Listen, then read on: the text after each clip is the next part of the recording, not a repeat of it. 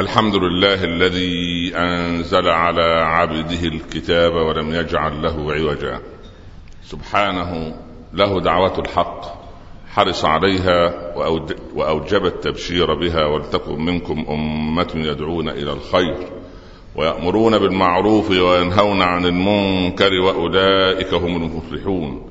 وأشهد أن لا إله إلا الله وحده لا شريك له وضع الحجة وأتم المحجة ويأبى الله إلا أن يتم نوره ولو كره الكافرون وأشهد أن سيدنا وحبيبنا محمدا رسول الله بلغ الرسالة وأدى الأمانة ونصح الأمة وكشف الغمة وجاهد في الله حق جهاده حتى أتاه اليقين صل اللهم عليه وعلى آله وأصحابه وأزواجه وأتباعه الذين آمنوا ولم يلبسوا إيمانهم بظلم أولئك لهم الأمن وهم مهتدون. أما بعد أيها الإخوة المسلمون آنس الله سبحانه وتعالى أبانا آدم بأن خلق له منه أمنا حواء ولأنها خلقت من حي فسميت بهذا الاسم وسترها رب العباد عز وجل.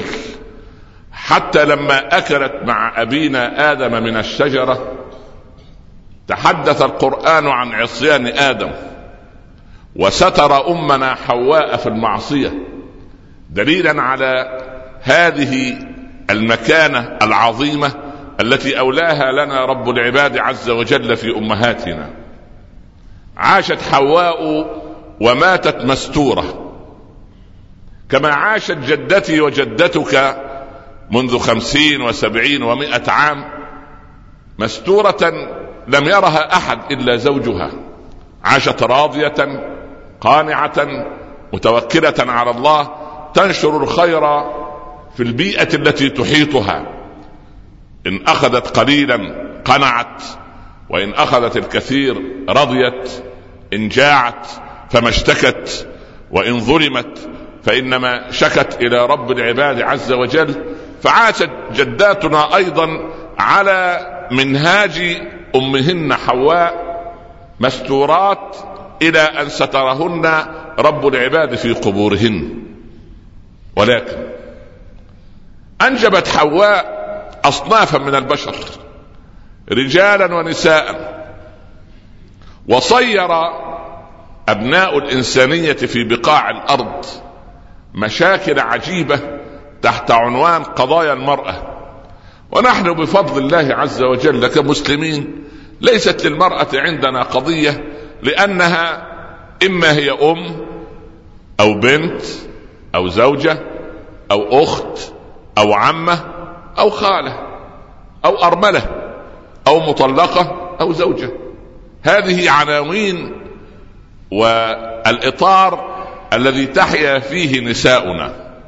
أما الأم فلها الطاعة حتى إن ماتت كأنما رب العباد يخاطب عبده عبدي ماتت التي كنا نكرمك من أجلها فاعمل صالحا نكرمك من أجله. هذه الأم التي قال فيها صلى الله عليه وسلم للصحابي من أحق الناس بحسن صحابتي يا رسول الله وبحسن صحبتي؟ قال أمك قال ثم من؟ قال أمك قال ثم من؟ قال أمك. قال ثم من؟ قال أبوك. وأي عبد لحق أحد أبويه أو كلاهما ولم يدخلاه الجنة لن ينجو يوم القيامة. فكان بر الأم التي جعل الله الجنة عند أقدامها الإنسان المسلم كما روي في مسند الإمام أحمد هذا الرجل الذي شكى إلى الحبيب صلى الله عليه وسلم كثرة ذنوبه قال بر أمك. قال قد ماتت يا رسول الله. قال ألك خالة؟ قال نعم يا رسول الله. قال بر خالتك يغفر الله لك. هذه مكانة الأم وأختها وأخوها في الإسلام. أما المرأة صغيرة فهي بنت.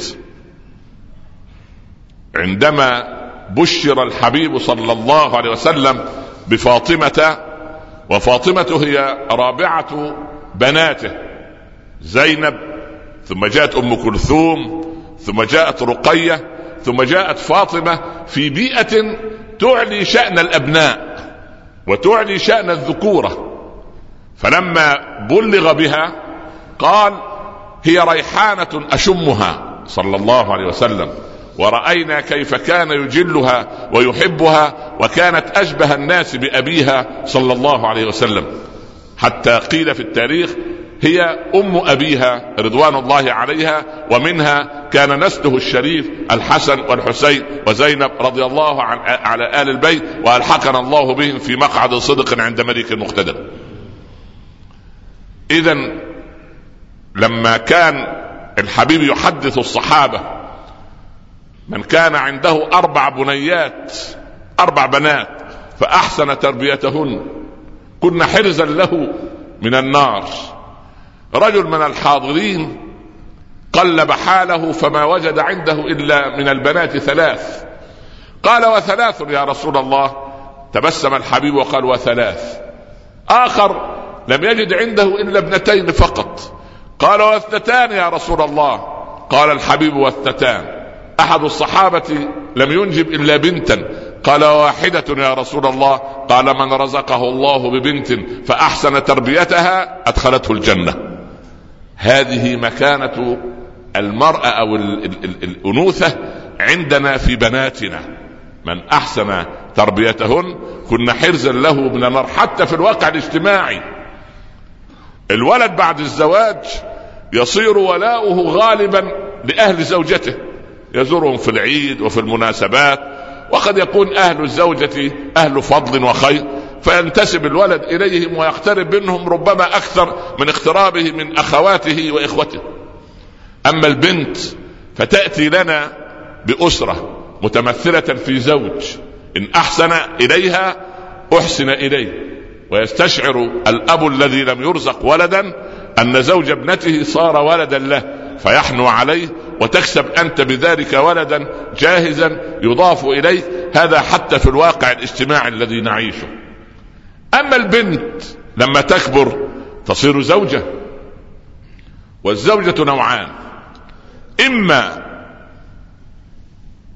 امرأة نوح وامرأة لوط وآسيا امرأة فرعون وإما أم جميل حمالة الحطب يعني يعني امرأة نوح وامرأة لوط وهذه أم جميل حماله الحطب هذا هو الطراز السيء والعياذ بالله.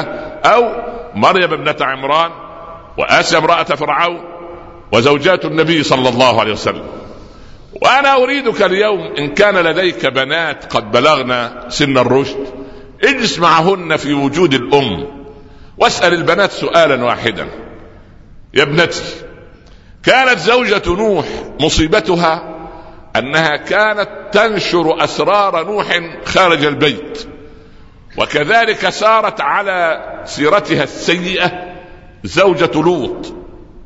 امرأة لوط كانت تخرج أسرار البيت خارجة. لما زاره الملائكة من الذي أعلم قوم لوط أن عند لوط يعني شباب جميل أو يعني مخلوقات ذكرية جميلة إلا امرأته التي كانت تخرج أسرار البيت خارجة. فقال ربنا وامرأة نوح وامرأة لوط إذ كانتا تحت عبدين من عبادنا صالحين فخانتهما فلم يغنيا عنهما من الله شيئا وقيل ادخلا النار مع الداخلين. هاتان المرأتان السيئتان مصيبتهم الكبيرة إخراج أسرار البيت خارجه. هل يا ترى بناتنا سوف ننصحهن حتى لا يقعن فيما وقعت فيه الأمهات الزوجات. التي تعلمت سوءا من أمها أن زوجها على الهواء مباشرة ما بين المشرق والمغرب. إن, إن عطس عرف العالم كله متى عطس وإن نام متى عرف الناس معاد نومه وموعد قومته ومتى يغضب ومتى يرضى. حتى يسير في الشارع كأنه عريان. اسأل ابنتك سؤالا. هل تحبين أن تكوني كأمك حتى تلحقي بامرأة نوح وامرأة لوط؟ أم أنك تريدين أن تكوني كآسيا امرأة فرعون؟ التي لما آمنت بالله عز وجل قام فرعون وجنوده بتقطيع جسدها إربا إربا فقطع اولا خلع أظافرها ثم اقتلع شعرها سبحان الله ثم فقع عينيها والعياذ بالله ثم قطع أطرافها فلما وصل وهي تقول لا إله إلا الله فلما وصل إلى قطع لسانها قالت رب ابن لي عندك بيتا في الجنة ونجني من فرعون وعمله ونجني من القوم الظالمين. هنا خرجت روحها قبل أن يوضع المقص على لسانها وعندئذ كان جسدها في الفرش ولكن روحها كانت مع الله في العرش. هذه الصورة الطيبة التي اختارت زوج فرعون امرأة فرعون الجار قبل الدار. رب ابن لي عندك بيتا في الجنة. ما قالت شو الأدب العالي شو التربية؟ ال ال ال انظر إلى الاستقامة انظر إلى الإنسان لما يكون موصول بالله. لم تقل رب ابني رب ابني لي بيتا عندك في الجنة. لا هي لا تريد البيت لا تريد الجنة إنما تريد جوار الله سبحانه وتعالى. لماذا؟ أحبتي في الله قد نحزن أحيانا على متوفى يتوفى لنا. ولكن أنت إن أردت أن تسافر مثلا من دبي إلى الشام أو إلى المغرب أو إلى أوروبا مثلا وخيرت وأنت تريد امرا هاما تسافر له ولا يسافر المسلم إلا لمهمة. فخيرت بين أن تسير على أقدامك أو أن تركب دابة تسير على أربع أو تأخذ سيارة وهناك من قال لك أنا أقطع لك تذكرة في الطائرة. أي الوسائل تفضل؟ أنت تريد أن تذهب لتطمئن على ولدك في عملياته الجراحية أو على قريب لك أو على شهادته العلمية أو أو أو إلى غير أو عمل مهم لك. أنت تريد أن تسارع سريعا لتصل إلى المكان الذي تريد. بالله عليك. لماذا يكره الواحد منا ملك الموت مع أنه هو الذي يسرع وسيلتنا للعودة إلى رب العباد عز وجل؟ قال سيدنا موسى لما رأى ملك الموت عنده قال أنظرني يا ملك الموت حتى اكلم كليمي قال يا رب هل رأيت حبيبا يسيء إلى حبيبه؟ فقال الله يا كريمي وأنت هل رأيت حبيبا يكره لقاء حبيبه؟ سبحان الله. فامراه فرعون آسيا رضي الله عنها وعليها السلام قالت رب ابن لي عندك بيتا في الجنة ونجني من فرعون وعمله ونجني من القوم الظالمين. هذه مريم ابنة عمران التي أحصنت فرجها فنفخنا فيه من روحنا وصدقت بكلمات ربها وكتبه أو وكتابه. هذه المرأة الصالحة أثبتت لنا أن نساء بني إسرائيل عقم عقمنا وعقمت أرحامهن أن يلدن رجلا صالحا يكون من نسله ولدا صالحا. انتهى الصلاح والتقوى عند بني إسرائيل. توقف عند مريم. أم آخر رسول من بني إسرائيل إلى بني إسرائيل عليه وعلى نبينا الصلاة والسلام. فجاء سيدنا عيسى بدون أب كأن بني إسرائيل ليس فيهم صالح واحد. ينجب إنسانا صالحا ينفع أن يكون رسولا. فجاء عيسى عليه السلام بمعجزة أنه بلا أب كما كان أبوه الأول آدم بلا أب وبلا أم حيث قال الله له كن فيكون إني جاعل في الأرض خليفة. فكان عيسى عليه السلام إثبات عملي أن رسالة بني إسرائيل وصلاح بني إسرائيل وسيطرة بني إسرائيل على هذا الكوكب انتهت إلى أبد الآبدين. وتسلمتها أمة أخرى نام أحفادهم في النور واستيقظت الثعابين في الظلام فاحتلوا أرضنا ومواريثنا لأننا إن أردنا أن نصلح ذوات أنفسنا ونستعيد المسجد الأقصى. ولا يقام هناك هيكل ولا غيره.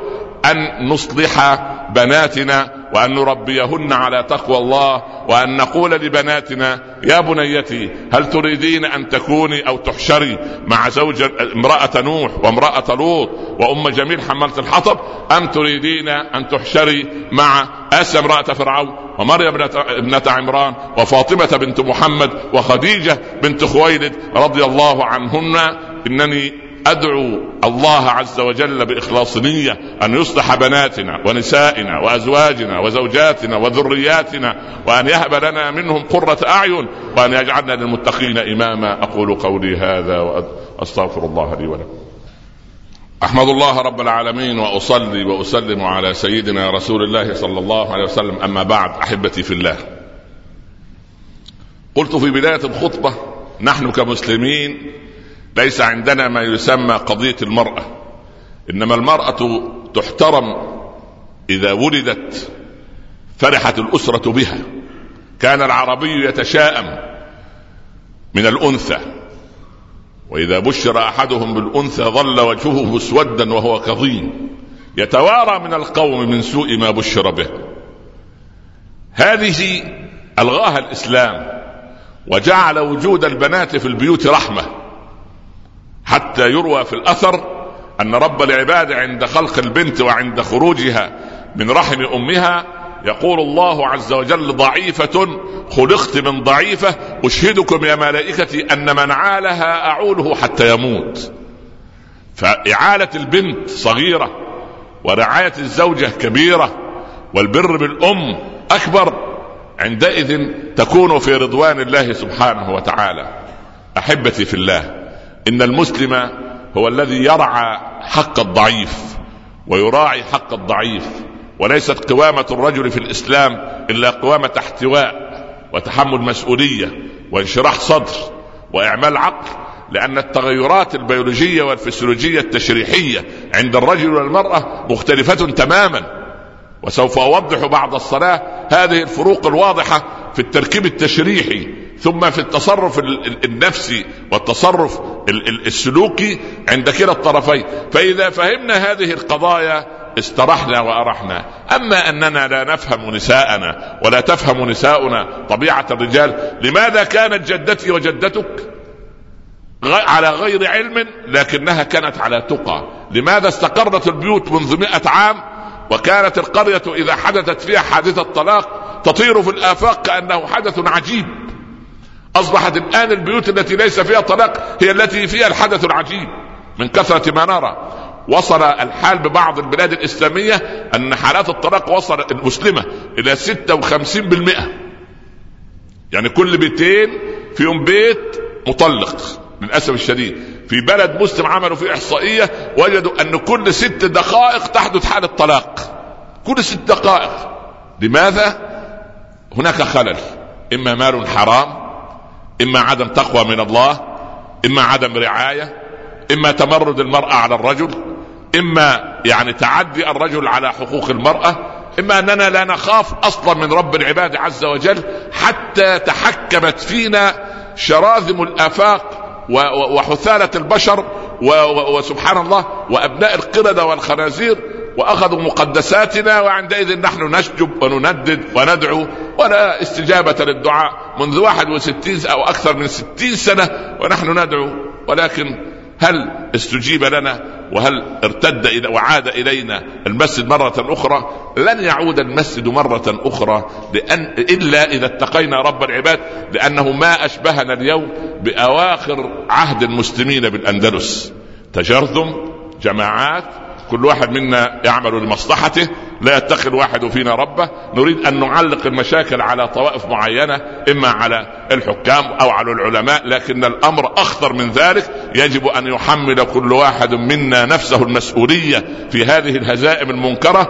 إذا لم نحسن معاملاتنا مع زوجاتنا في البيوت لن يحسن الآخر معاملته معنا. وإذا لم نخف رب العباد في البيوت لن يخافنا عدو من الأعداء. وإذا لم نعدل في بيوتنا لن يعدل الآخر معنا. وإذا لم نستقم نحن على طريق الله لن يرحمنا أحد من عباد الله. لن يرحمنا بعد فضل الله ورحمته إلا أعمالنا الصالحة حتى إن المطر لم ينزل على كريم الله موسى ومن معه حتى لأن واحدا بينهم عاصية فلما سأل موسى ربه أن يدله عليه ولم يستدل موسى على العاصي ونزل الماء قال يا موسى لقد تاب فيما بيني وبينه فعندما تاب العبد نزل الماء ولم ينزل العقاب على قرية حبيب النجار في سورة ياسين إلا لما قتلوا آخر صالح في هذه القرية. فعندما يقتل الصالحون وعندما يموت الصالحون وإنما يعاد العلماء وعندما تعاد الأفكار الصالحة وعندما لا يستقيم الخلق على طريق الله وعندما لا نتقي الله في بيوتنا لا تنتظروا رحمة من السماء تنزل علينا. ارحموا من في الأرض يرحمكم من في السماء. اللهم ارحمنا فإنك بنا راحم. لا تعذبنا فأنت علينا قادر. اجعل خير أعمالنا خواتيمها وخير أيامنا يوم أن نلقاك اللهم اجعل الحياة زيادة لنا في كل خير. واجعل الموت راحة لنا من كل شر. أكرمنا ولا تهنا. أعطنا ولا تحرمنا. زدنا ولا تنقصنا. كلنا ولا تكن علينا. آثرنا ولا تؤثر علينا. انصرنا ولا تنصر علينا. اللهم يا أرحم الراحمين ارحمنا. يا أرحم الراحمين ارحمنا. يا أرحم الراحمين ارحمنا. أعد إلينا المسجد الأقصى. اللهم أعد إلينا المسجد الأقصى. اللهم لا تؤاخذنا بما فعل السفهاء منا. اللهم زوج بناتنا بالأزواج الصالحين. وأكرم أبناءنا بالزوجات الصالحات واطرد عن بيوتنا شياطين الإنس والجن اجعل هذا البلد آمنا مطمئنا وسائر بلاد المسلمين سخاء رخاء يا رب العالمين واختم لنا منك بخاتمة السعادة أجمعين وصلى الله على سيدنا محمد وعلى آله وصحبه وسلم يا رب تسليما كثيرا. بسم الله الرحمن الرحيم والعصر. ان الانسان لفي خسر الا الذين امنوا وعملوا الصالحات وتواصوا بالحق وتواصوا بالصبر. صدق الله ومن اصدق من الله قيلا. نكمل حديثنا بعد الصلاة إن شاء الله وأعتذر منكم في الجمعة القادمة إن شاء الله ونلتقي الجمعة التي تليها إن كنا من أهل الدنيا. أقم الصلاة قوموا إلى صلاتكم يرحمكم الله. أحمد الله رب العالمين وأصلي وأسلم على سيدنا رسول الله صلى الله عليه وسلم أما بعد. فقدنا فقدنا اليوم الحقيقة منذ ساعات آه، عالم جليل وداعية فاضل توفي إلى رحمة الله في حادث سياره وفي طريقه من المملكة العربية السعودية إلى دبي الأخ الكريم والصديق الفاضل الشيخ سعيد الزياني فندعو الله سبحانه وتعالى أن يرحمه رحمة واسعة. هذا الإنسان الذي عاشرته سنوات ما رأيته يغتاب إنسانا قط وما رأيته إلا ذاكرا لله. كان قلبه مليئا بالإخلاص. وهكذا هم الدعاة إلى الله عز وجل. كان مضرب المثل في دماثة الخلق. فأدعو الله أن يحشره الله في زمرة الشهداء. هذا الإنسان الذي ترك بصمة وكان يعني كلنا نحبه. لا أحد في العالم الإسلامي إلا ويحب هذا الإنسان. وكلما رآه الإنسان في مكان تستشعر أن الرضا يحيطه من جنباته وإذا جلست إليه تستشعر السكينة يعني تنتشر في أوصالك. ويعني حقيقة الأمر آه، رأيته أول يوم من أيام العيد رمضان والله تمليت في وجهه بعجب في هذه المرة بالذات. ورأيت مخايل النور على وجهي وما كنت أظن أن هذه آخر مرة أراه في عالم الدنيا. أدعو الله أن يجمعنا به في مستقر رحمته. اللهم ارزق أهله الصبر والسلوان يا رب العالمين وعوض الأمة والدعاة إلى الله فيه خيرا. اللهم ارحمه رحمة واسعة اللهم ارحمه رحمة واسعة اللهم ارحمه يا رب العالمين رحمة واسعة وألحقنا به على الإسلام والتوحيد. آمين يا رب العالمين. عزاؤنا إلى أسرته وأولاده. اللهم صبرهم يا رب وعوضهم في مصابهم وعوضنا جميعا في مصابنا خيرا عند موت عالم من العلماء وداعي من الدعاء تثلم ثلمه في الجدار. لا يسدها شيء إلا رحمة الله سبحانه وتعالى. اللهم ارحم الشيخ سعيد الزاني رحمة واسعة وتقبله في عبادك الصالحين يا رب العالمين. آمين آمين آمين. وصلى الله على سيدنا محمد وآله وصحبه وسلم. آه والله لا أدري ماذا أقول. الموت قضيتنا الأساسية التي ننساها. ولكن العبد يخفف عنه أسى الموت وصدمته أن المتوفى قادم على الكريم. ولو خير المتوفى أن يعود إلى دنيانا مرة أخرى لأبى. بالذات الصالح من الأموات.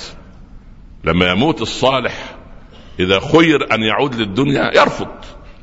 لماذا؟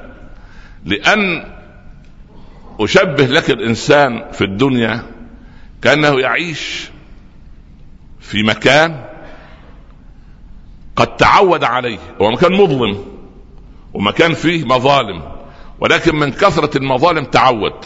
زي بالضبط أعزكم الله واحد بيعمل في مصنع للسماد أو مصنع للقمامة أعزكم الله أو الفضلات أو غير ذلك. من كثرة ما بقي ساعات طويلة في هذا المكان الذي تشع منه الروائح الغير زكية تتعود أنف الع... الذي يعيش في هذا المكان على هذه الرائحة. وكأننا تعودنا على رائحة الذنوب وتعودنا على المناظر السيئة. وقلت لك كان في الستينات لما ظهر التلفزيون كان في آخر نشرة الأخبار تأتي فقرة رياضية. فكانوا يجيبوا جزء من لاعبات التنس. أذكر أقاربنا في الصعيد كبار السن وصغار السن كان يضع ال- ال- الشال الذي يضع على كتفه أو أو يغطي عينيه ويسألنا ونحن صغار ال- الشيطان مشيت؟ الشيطان العريانة هذه صارت الكلام ده إيه؟ لم يمر عليه خمسين عام بس. تمام؟ الآن هل يصنع واحد سواء من الكبار أو الصغار هذا الفعل؟ بل بالعكس. ده في لعب أخرى أو أنواع من الألعاب الأولمبية الأخرى. يعني أنا إنا لله وإنا إليه راجعون. خلاص؟ هل يتمعر وجه أحد؟ هل يستشعر أحد بالخشية من الله أن هذه عارية؟ أما المجرمين العلمانيين اللي عايشين بيننا اللي هم الطابور الخامس والسابع والثامن للمجرمين في في في أنحاء الأرض يقول لك أنتوا أصلا يا شيوخ نيتكم سيئة. إحنا بنيتنا سيئة. أمال أنت نيتك إيه؟ لا إله إلا الله. ف... فالكارثة الكبرى أن المجرم ينظر إليك على أنه مجرم. قضية الفرعونية. إني أخاف أن يبدل دينكم. كلم عن من؟ عن سيدنا موسى. أو أن يظهر في الأرض الفساد. من يقول على من؟ فرعون ها؟ فرعون يقول عن من؟ عن سيدنا موسى. أو أن يظهر في الأرض الإيه؟ الفساد. يا الله. يعني موسى الذي ينشر التوحيد في عرف فرعون. نشر للإيه؟ ولذلك قال فرعون في الآخر إيه؟ ما أريكم إلا إيه؟ ما أرى وما أهديكم ها؟ إلا سبيل الرشاد. انظر إلى المعايير لما تختلف. المعايير لما تختلف. انت لو رأيت أخ عليه سمت الصلاح. ظاهريا وخاشع وماشي في حاله وغض البصر. وزوجته جنبه ماشية في أدب واحترام واحتشام حجاب نقاب أي شيء. أول ما يخطر ببالك من كثرة الإعلام الغربي ماذا تقول؟ تصنفه تحت عنوان إيه؟ ها؟ ولا متطرف؟ ها؟ إرهابي هو وزوجته سبحان من غير شيء. هكذا ما تكرر تقرر. هذه قاعدة الإعلام الصهيوني. ما تكرر تقرر. أول ما طلع لفظ العولمة هاج الناس وماجوا فضلوا يكرروا العولمة العولمة لغاية ما أصبحنا في عالم الإيه؟ لا حول ولا قوة إلا بالله. إن الله وإنا لا ما تكرر تقرر يفضل. لدرجة أن بعض الإخوة من العلماء ونبهوا الحمد لله. وبعض الدعاة كان كل ما يروح في محاضرة يدافع عن الإسلام ليس دينا إرهابيا. الإسلام وكأننا متهمين ولا بد من الإيه؟ ولا بد من الدفاع. وانتبهوا الحمد لله ونبهناهم وقلنا يا اخوانا لا تضع نفسك موضع الايه؟ المدافع ضع نفسك موضع مش المهاجم وإنما الموضح لحقائق الدين العليا. بس اعرض ما عندك. فقط لا تهاجم ولا تدافع. انت مش في مش متهم في محكمة؟ لا. هكذا قالوا. إن سورة المطففين تضع سنة لك في الحياة. إن الذين أجرموا ها كانوا من الذين آمنوا يعملوا إيه؟ يضحكون. يضحكون على إيه؟ سخرية. يضحك وإذا مروا بهم ها يتغامزون. ده, ده الذين أجرموا في زمننا نحن كثير من أقاربك من هؤلاء. إذا رأوا الولد الشاب مواظب على صلاة الفجر زوجته بدأت تتحجب وتلتزم تحضر المقرأة ودروس العلم يبتدي أول ما يصل إلى بيت عمته. عمته دي متربية في ها؟ في مدارس كان عندنا مدارس للأسف إرساليات في مصر. والله مدرسة إلى الآن. اسمها La Mère de Dieu Mère de Dieu بالفرنسية يعني أم الله. مدرسة اسمها كده. كانت الناس تفرح لما تدخل تلحق بناتها بها. سبحان الله. Sacré-Cœur القلب المقدس. إلى الآن هذه إرساليات صنعها الغرب حتى لأن البنات أول ما يدخلوا كانوا يجدوا فيها الراهبات. الراهبات على صدورهن إيه؟ والعياذ بالله فتألف بناتنا الصغيرات منظر هذا الصليب الموجود. لدرجة أن بعض من البنات الصغيرات لما كانوا يرجعوا البيت كانوا يسألوا الأب والأم هو يا أبويا هو أنا مسلمة ولا مسيحية؟ لأنها اختلط الحابل بالنابل اختلط الحابل بالنابل المسألة بقت متداخلة.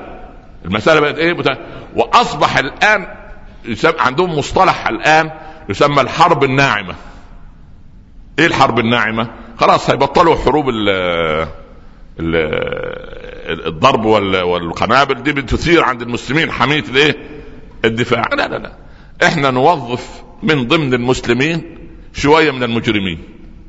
يبتدوا يموعوا الحقائق. يميعوا الإيه؟ الحقائق. وقصيت لكم ما هي القصة التي تحدث في أي بلد في العالم الإسلامي؟ هي قصة العالم الإسلامي كله. سنة 1889 يعني من كم سنة؟ 100 وإيه؟ 130 سنة تقريبا. أنا في الحساب مش ولا بد لكن أنت ما شاء الله بتاع حسابات تحسبها بالسحتوت أنت ما شاء الله عليه بالمهم. من 130 سنة. 120 خلاص ليك 10 سنين عندي. توكل على الله. ف من من قرن وربع. إيه اللي حصل؟ قال لك ال ال الحائط الصد الأخير عند المسلمين أمرين. القرآن والمرأة. طالما القرآن موجود وهو موجود إلى أن يرث الله الأرض من عليها خلاص. والمرأة ملتزمة بدينها. خلاص. انسوا أن إيه؟ أن يعني السير جلادستون هذا كان عضو في مجلس العموم البريطاني سنة 1919 وكان وينستون تشرشل هذا كان وزير خارجية أيامها. فكان لما ثار الشعب المصري ضد الاستعمار الإنجليزي فتشرشل بيسأل وما لهم المصريين عايزين؟ قال عايزين قال حكومة ودستور ومجلس نيابي وكلام عجيب كده. لا لا يعني قال بالإنجليزية أعطوهم لعبة ليتلهوا بها أعطوهم لعبة ليتلهوا بها وقف السير جلادستون قبل هذا ال... قبل هذه السنة بسنوات ورفع المصحف في مجلس العموم وقال طالما عند المسلمين هذا الكتاب لن تستطيع بريطانيا البقاء داخل أروقة العالم الإسلامي. طيب طالما هو مش قادر يأثر على القرآن وزير المستعمرات الفرنسي لما في الجزائر لما أخذوا عشرين امرأة جزائري بنت ودوم على الجزائر والحقوهم بالسربون وعلى أساس أن يغيروا مفاهيمهن. وبعدين جابوا وزير المستعمرات وكان شارل دي جول أيامها كان في بدايته وجابوهم يعملوا احتفال كبير ليريهم كيف أثر على الشعب الجزائري. و أمر العشرين أن يصعدوا على المسرح من خلف الكواليس. صعد العشرين امرأة البنت وهن محجبات الحجاب الاسلامي أسقط في يد وزير المستعمرات. فنظر إليه يقول متعجبا قال له ماذا أصنع والقرآن والحجاب أكبر من فرنسا؟ أنا أعمل إيه؟ الحجاب والإسلام أكبر من فرنسا. فقالوا طيب نؤثر كيف على المرأة نعمل إيه للمرأة المسلمة؟ قال نعمل لها قضية. اسمها قضية المرأة اللي هي الآن تتداول. طب نعمل إزاي؟ قال لك دي المرأة البنت في البلاد الإسلامية أول ما تصل إلى سن الرابعة عشر الخامسة عشر السادسة عشرة تتزوج. تنجب وتصير أما صالحة وتكثر الذرية منهم حافظة قرآن ومنهم آه، داعية إلى الله ومنهم أهل فضل وخير. المهم قال طب نعمل إيه؟ بدأوا قالوا إحنا ننشئ مدرسة اسمها المدرسة السنيه السنيه العالية يعني من الثناء العالي إيه المدرسة السنيه قالوا دي مدرسة بنات فقط. ثار المصريون قالوا كيف يعني بناتنا تخرج؟ إحنا بناتنا لغاية كان زمان أربع سنوات أولي كان ابتدائي وأربع سنوات إعدادي وأربع سنوات ثانوي. ما كان في ثانوي للبنات. البنات يدخلوا أربع سنوات وأربع سنوات ثمان سنوات ترى ثمانية وستة 14 تتزوج. فقالوا كيف إحنا بناتنا تخرج كل يوم كل يوم؟ معقول بنت تخرج كل يوم؟ ده سيدنا موسى حصل له رعب لما شاف البنتين وسط الذكور. ما خطبكما؟ ارجع أنت البيت اليوم هتلاقي زوجتك وامها وأمك ها؟ تلاقيهم في البيت قول ما خطبكما؟ اللي مقعدتوا في البيت أمر غير طبيعي. دلوقتي مكانكم الشارع. سيدنا موسى حصل له رعب لما راهم في خارج. انت تحصل لك رعب يقول بس يبقى زوجتي مريضة. 100% أمال إيه اللي ما خرجهاش؟ راح تشوف الأسعار ويقول لك ده بكرة أنقص درهمين وده درهم وعارف الأسعار المهم ما علينا. خلينا إحنا مع الايه مع المدرسة السنيه ما توحدوا الله. لا إله إلا الله. فنشروا قالوا لا المدرسة دي ليس فيها ذكر واحد إلا رجلان فقط. كلهم معلمات محترمات مهذبات إنجليزيات بريطانيات متعلمين في أوكسفورد وفي غيرها وبرمنجهام وغيرها وإنما دول يعني هيعلموا بناتكم الخير والعلم. وما تخافوا الاثنين الرجال اللي في المدرسة عم فلان الحارس وده كبير السن يقال له عم فلان. واللي جوه الأستاذ عبد الغني ده مدرس اللغة العربية وده رجل فوق الخمسين معروف بالخلق وفعلا يختاروه كده. والغرب له يعني تخطيط على الأمد الطويل. إحنا دايما كعرب متعجلين عايزين بكرة نروح نتسلم كلنا كده مفاتيح بيت المقدس. غير يعني عمر بن الخطاب. إزاي تتسلم مفاتيح بيت المقدس وأنت مش عارف تتسلم مفاتيح بيتكم؟ ما علينا. يا أخي والله أنت ليه تخلينا المهم. ف بدأ الناس ياخذوا بناتهم للمدرسة. الأب يصطحب ابنته لغاية باب المدرسة. كان زمان لا في لا سيارات وهذا كانوا ياخذوها في العربه الحنطور هذه التي يجرها حصان أو حصانان. والسيارة العربة مغطاة من كله والبنت قاعدة لا يظهر منها شيء. وتدخل باب على باب المدرسة. ينتهي اليوم الدراسي الساعة الثانية يروح الأب واقف ياخذ بنته ويرجع. أيام ما كان البنات يرون أباءهم. أيام كان الأباء على قيد الحياة. العدد كبر. بدأت الناس تستشعر الأمن والأخلاق في المدرسة. بدأ البنات يكثرن. عملوا طابق ثاني للمدرسة. فتحوا صفوف جديدة. بدأت مديرة المدرسة تعمل اجتماع لأولياء الأمور. خلي بالك من خطوات الشيطان ولكنها خطوات متباعدة. وإذا اقتنعت أنت بخطوة أتاك بالخطوة التي تليها. إلى الآن في خطأ حدث.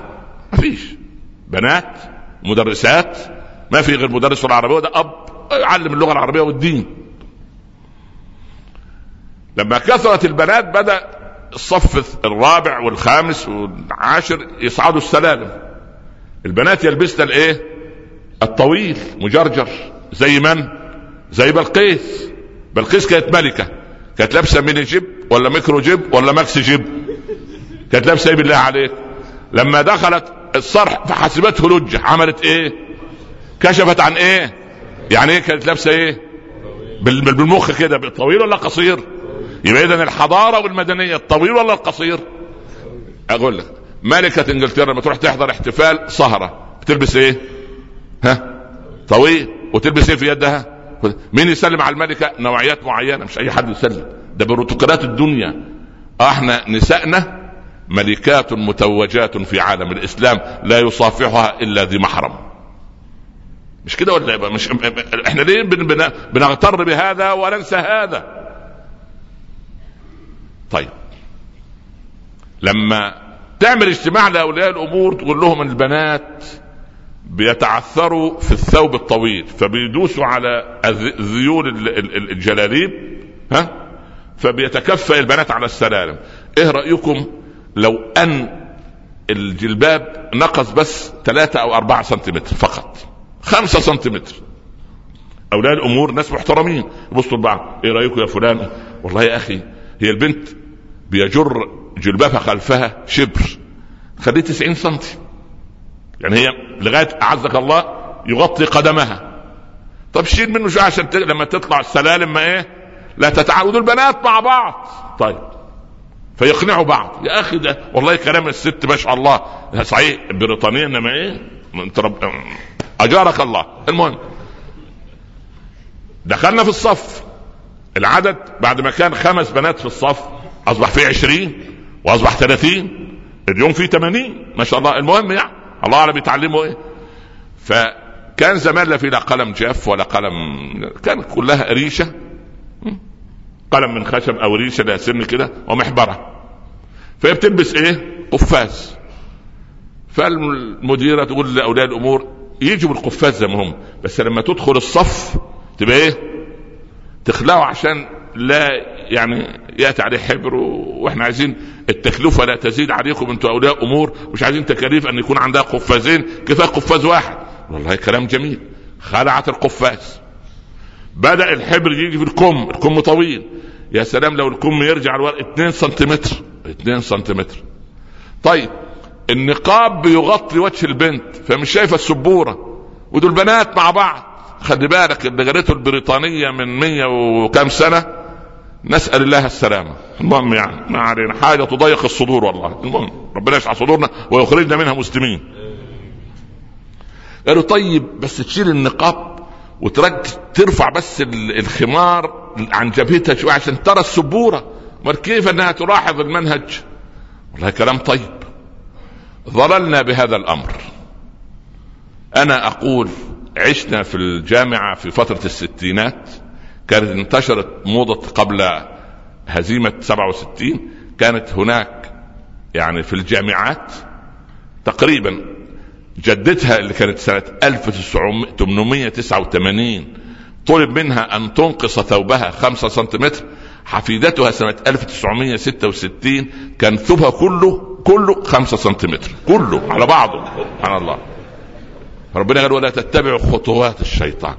فظل من نقص 5 سنتيمتر إلى أن هو كله اللي نقصته جدتها حفظته في دار الآثار خدته وهي لابسته. أبو خالد 5 سم كيف لا تسأل؟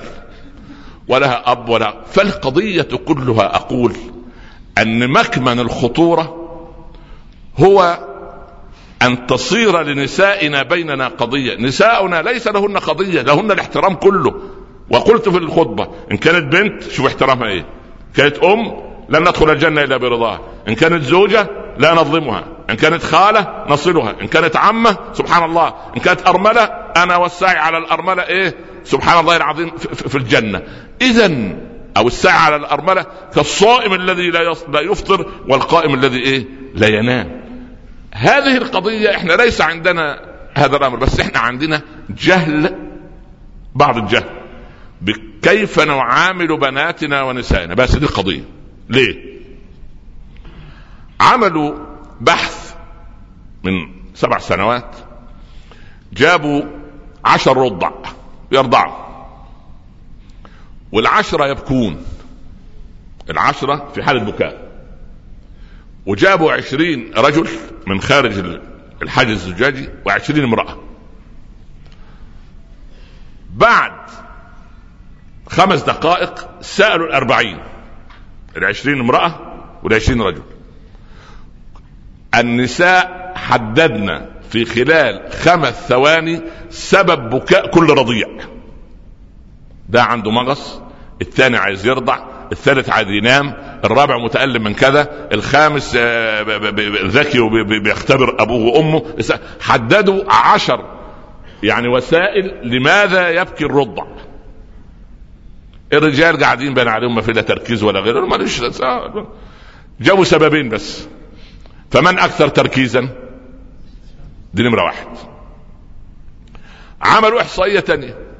وجدوا أن بصر المرأة يرى في المحيط الجانبي يمين ويسار زي عزكم الله الحصان. الحصان يرى لغاية 80 درجة. فلو جيت أنت. أي واحد يأتي للحصان. خارج ال 80 درجة الحصان يعتبره عدو. فيبتدي إيه؟ يضع منه موقف ياخذ منه موقف عداء يبتدي في الرفس والايه والثورة. ليه؟ لأن الحصان ذكي. يقول لك هو لو صديقي يجيني في مرمى الإيه؟ في مرمى البصر. ليه بيجيني خارج مرمى البصر؟ يبقى اذا إيه؟ هو عدو والحصان محدد لإيه؟ للقتال. فهذه الملكة عنده بحيث لو جيت له أنت خارج حدود بصره يبتدي يثور عليك. عملوا وجدوا أن المرأة على جنباتها ترى على درجة 180 درجة. ده وصف علمي ما اوعى تروح البيت الشيخ قال النهارده. لا ما أنا إن شاء الله ما أنا عرفت أنت كيف بتجيبيني أنا وأنا في أبو ظبي وتعرف أنا فين في رأس الخيمة و... ولو رحت حتى قطر. المهم ما علينا. الرجل نظرته أمامية على بعد. ودي واخدة البعد النفسي في أن الرجل يرى بعقله أكثر مما يرى بعاطفته. والمرأة تستشعر بعاطفتها قبل أن ترى بعقلها. هذه ملكات. طيب. وجدوا عملوا بحث على أعزكم الله القرود. وجدوا أن القرد الذي لا يحتضن من أمه كثيرا ومن أبيه يصير عدواني ويصاب بالاكتئاب والأمراض. وعملوا البحث على الأولاد أيضا له نفس القضية. فأنت لابد أن إحنا كعرب للأسف والرجال بالذات للأسف يأنفوا أن يشيلوا الولد. ولذلك يؤلمني جدا لدرجة أن أحيانا أنا أنا هادي ولا عصبي أصلا؟ أنتوا تحكموا عليا بإيه؟ شكلي عصبي ولا إيه؟ يا الله وأنا كده يعني الدعاء بيقولوا على إن رجل هادئ دائما. لكن أحيانا أثور. متى؟ تبقى ماشي في مول كده ولا في مكان. أجد المنظر الآتي. الراجل ماشي جنب زوجته. هو ينفع كمال أجسام. ثلاثة في أربعة كده. هي شايلة الرضيع. ماسكة الولد الثاني. ومعها حقيبة فيها أغراض الولد. وربما معها عربة تجر الإيه؟ الولد الثالث. خلي بالك انت. وهو ماشي طبعا إيه عنتر بن شداد لازم يمشي إيه يمشي لوحده. لأن عنتر عيب عليه لأن ده يعني يعني يعني خفض وإثارة لرجولته. يا أخي اعمل العكس. أنا نفسي في عربي هو اللي شايل الولد. هو طبعا هيستحي من إخوانه. يقول يا عمي ده كل ما يمشي مع زوجته يشيل هو يشيل الولد. أمال هي هي موجودة ليه؟ موجودة ليه عشان تشيل يعني ولا في إيه؟ طب يشيل القوي. يشيل. فهذا منظر سي والله مرة لقيت رجل فاضل عربي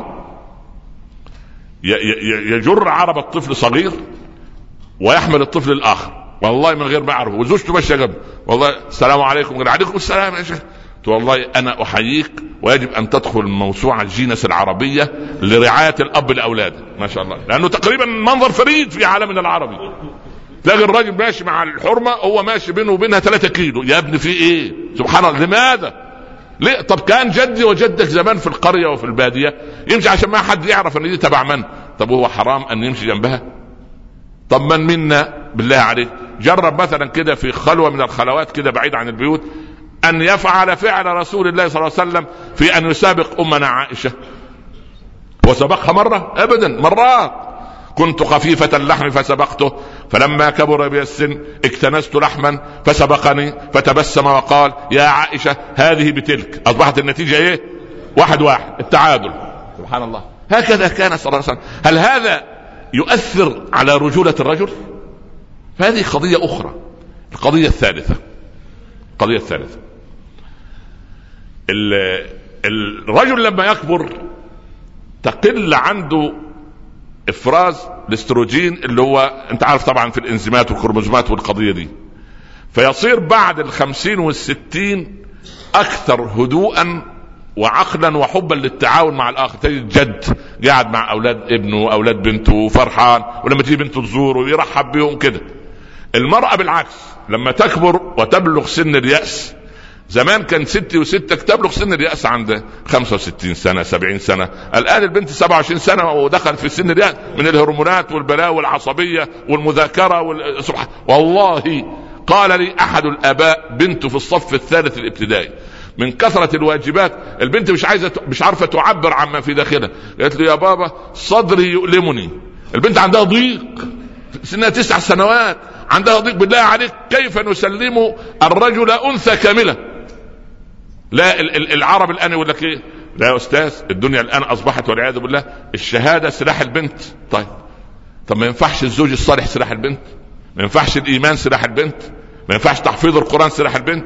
ما ينفعش أن إحنا زوجة عوف بن محلم الشيباني أحد زعماء العرب لما زوجت ابنتها في الجاهلية قبل الإسلام قعدت معاها ووصتها وصية عجيبة. من ضمنها هي طويلة لكن أخذ منها جزء. قالت يا بنيتي سوف تفارقين البيت الذي ألفت والعش الذي فيه درجت إلى بيت لم تألفيه وقرين لم تعرفيه. يعني أنت في بيت أبوك بيت أنت تعودت عليه لكن رايحة بيت أو البيت ده إيه؟ غريب عليك. والراجل اللي هتتزوجيه ده أيضا حتى ولو والله لو خطب الولد بنتنا عشر سنوات ما نعرف خلقه إلا لما يغلق عليهم باب. يظهر الإيه؟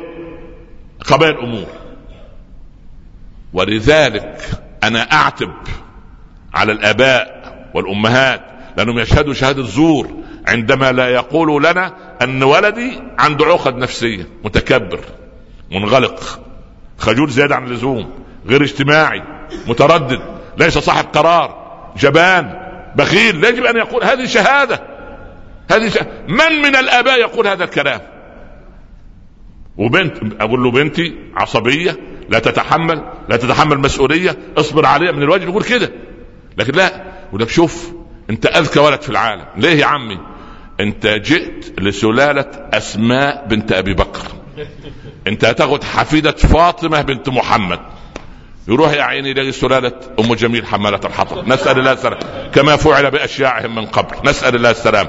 نكذب على بعض. والكذب هذا ثمرته إيه؟ الطلاق والانفصال والاكتئاب والتوتر وإلى آخره. نسأل الله السلام. ولذلك ولذلك المسلم الصادق هو الذي يدرك كيف يتعامل مع الآخر. وأهم الآخر ده بنتك وزوجتك وأمك وأختك. نأتي إلى جزئية أخيرة. أهل الزوج والزوجة.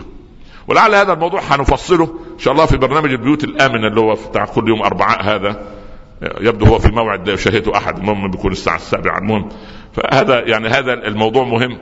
أهل الزوج وأهل الزوج.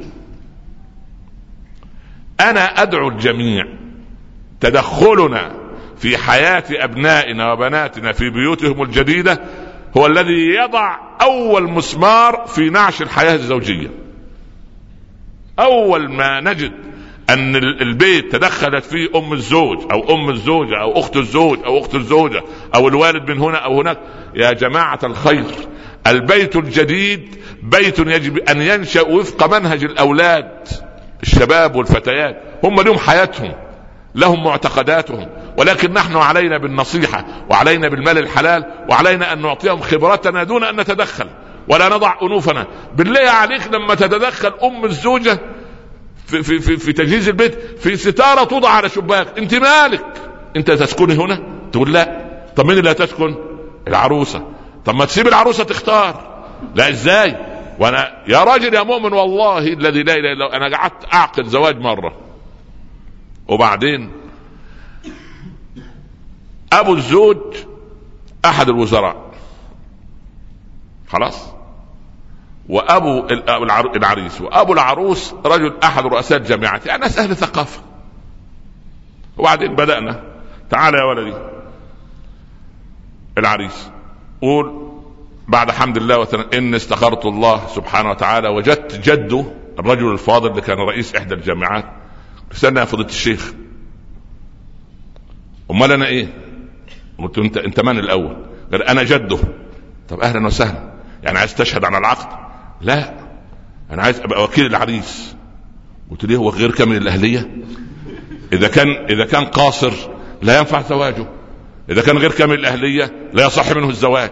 طب العروس والفقهاء قالوا لازم ليها إيه؟ ولي. البنت أو المرأة لازم ليها إيه؟ ولي. طب ولي الزوج ده بصراحة ده لما يكون غايب. عمل توكيل لعمه لخاله لا على كل لا. والله الذي لا إله إلا هو. أنا رجل حقوقي وأفهم. أنا لابد أن أكون وكيل العريس. قلت يا خالات تزعل يا سلام. يا ولدي تنفع توكل هذا الجد؟ قال لا قلت الله يعينك يا ابن اركن تعال يا جد العريس. إني استخرت الله أن تزوج حفيدي فلان الفلاني لا إله إلا الله على اللف والدوران طب لماذا هذا الكلام؟ لأن عندنا خلل في التعاطي وعايز يضع أنفه في الإيه؟ في العقد ما هي وسيلة. تخرجوني خارج العقد؟ الله. وكده عارف كيف يعني؟ ففي أمور أغرب من الخيال. أنا مرة كنا بنعقد عقد وانتهى العقد سبحان الله وحدث كان خلاص على وشك نعقد ويقضي العروس عروسه ويذهبوا لبيت الزوجيه انتهى الموضوع على إيه؟ على أمر عجيب. قالوا خلاص يا فلان فأخ المأذون قلت له اسألهم يعني كل واحد أخذ الحقوق وكده. فقال والد العروس والله إحنا أخذنا كل شيء ما عدا عزك الله عارف ألواح الخشب اللي توضع عليها المرتبة مرتبة السرير؟ اسمها إيه؟ بيسموها كده في مصر المول ما أعرفش اسمها إيه يعني المول ألواح الخشب هذه يعني المهم المرتبة توضع على الهواء ولا توضع على شيء؟ هي دي القضية في البلد قالوا إحنا ما استلمنا المله المله دي عند إخواننا في باكستان وأفغانستان يعني إيه؟ العلامة. قلت الله الناس قارئين مذاهب ولا إيه؟ مثلا أنتوا قارئ مع إن شكلهم كده لا بتوع قراءة ولا كتابة. سبحان الله. قارئين مذاهب. مله مله يدخل المله في الماء. أنا مله زي بعضه. ها؟ ينفع. المهم يعني. قول له ملة إيه؟ قال الواحد خشب اللي فقلت إيه؟ ده واحد عايز إيه؟ يعمل دعابة في العرس يعني. ما لازم الواحد برضه ياخدها على المحمل الإيه؟ ما أنت يقول لك هو الشيخ عصبي ليه؟ ده عصب ولا شيء. المهم يعني. مما يرى مما يرى. المهم يعني. فالمهم. قلت طب يا اخينا خلاص. واحد من اللي قاعدين قلت أبو فلان خد ال 20 جنيه دي والكلام ده من 20 سنة. خد واشتري. قال لا اقسم بالله لو أنهم ما جابوا العريس ما جاب هذه المناسبه طيب أنتم في عرفكم في أعراف في بعض البلاد في عرفكم. غرفة النوم على من؟ في يقسموا أحيانا. هو في الإسلام إيه؟ أن العريس يجيب كل شيء من الألف إلى الياء. وإذا أراد أهل العروس أن يعينوه خير وبركه خلاص. في بعض القرى وبعض البلاد يقول لك لا يقسموها ما أعرفش تقسيم إزاي غرفة النوم والسجاد على العريس. وغرفة مش عارف المائدة ومش عارف ولا إيه على حاجة أغرب من الخيال. طب وقول لهم طب وأكواب الشاي على من؟ سبحان الله. والسكر على من؟ حاجات المهم المهم سيبك من الكلام ده كله. قال لا أصل هو غرفة النوم على العروس على الزوجة يعني. طب كويس. قال لا بس الملة على العريس. هذا ده مذهب عجيب. مذهب عجيب سبحان الله. يعني غرفة النوم كلها على المسكين هذا. عليكم أنتم. ما عدا لوح الخشب. أما صحيح ألواح قاعدة مع البني آدم. لا إله إلا الله. لا إله إلا الله. فالمهم ما علينا. طيب يا أخينا كلمة من هنا وكلمة من هنا. ظهرت الإيه؟ الأيمان الايه الكاذبه والله كذا يرد عليه والله كذا. أغلق المأذون دفتره وغادر الشيخ مجلسه. وذهبت العروس إلى مكانها إلى بيت أبيها وعاد العريس إلى بيته وبقوا راحوا على البيت بدل ما ياخذوا العروس راح يفكوا الايه يفككوا يعني ولا إله إلا أنت سبحانك إني كنت من الظالمين. هل هذه بيوت تنتج صلاح الدين وتنجب العز بن عبد السلام وتنجب عمر بن الخطاب اللي يحرر بيت المقدس؟ ما تنتظرش الآن في هذه الأجيال. هذه أجيال ورثت الخيبة وضيق الأفق وتعليق المصيبة على على آخرين واتهام الآخرين وعدم اتهام نفسه نحن اليوم كآخر أيام الأندلس. تماما. لن نستعيد بيت المقدس إلا إذا استعدنا حسن تعاملنا في بيوتنا وعودتنا وعودتنا مرة أخرى إلى كتاب ربنا. لا تنسونا من صالح دعائكم. وصلى الله على سيدنا محمد وآله وصحبه وسلم. والسلام عليكم ورحمة الله تعالى وبركاته.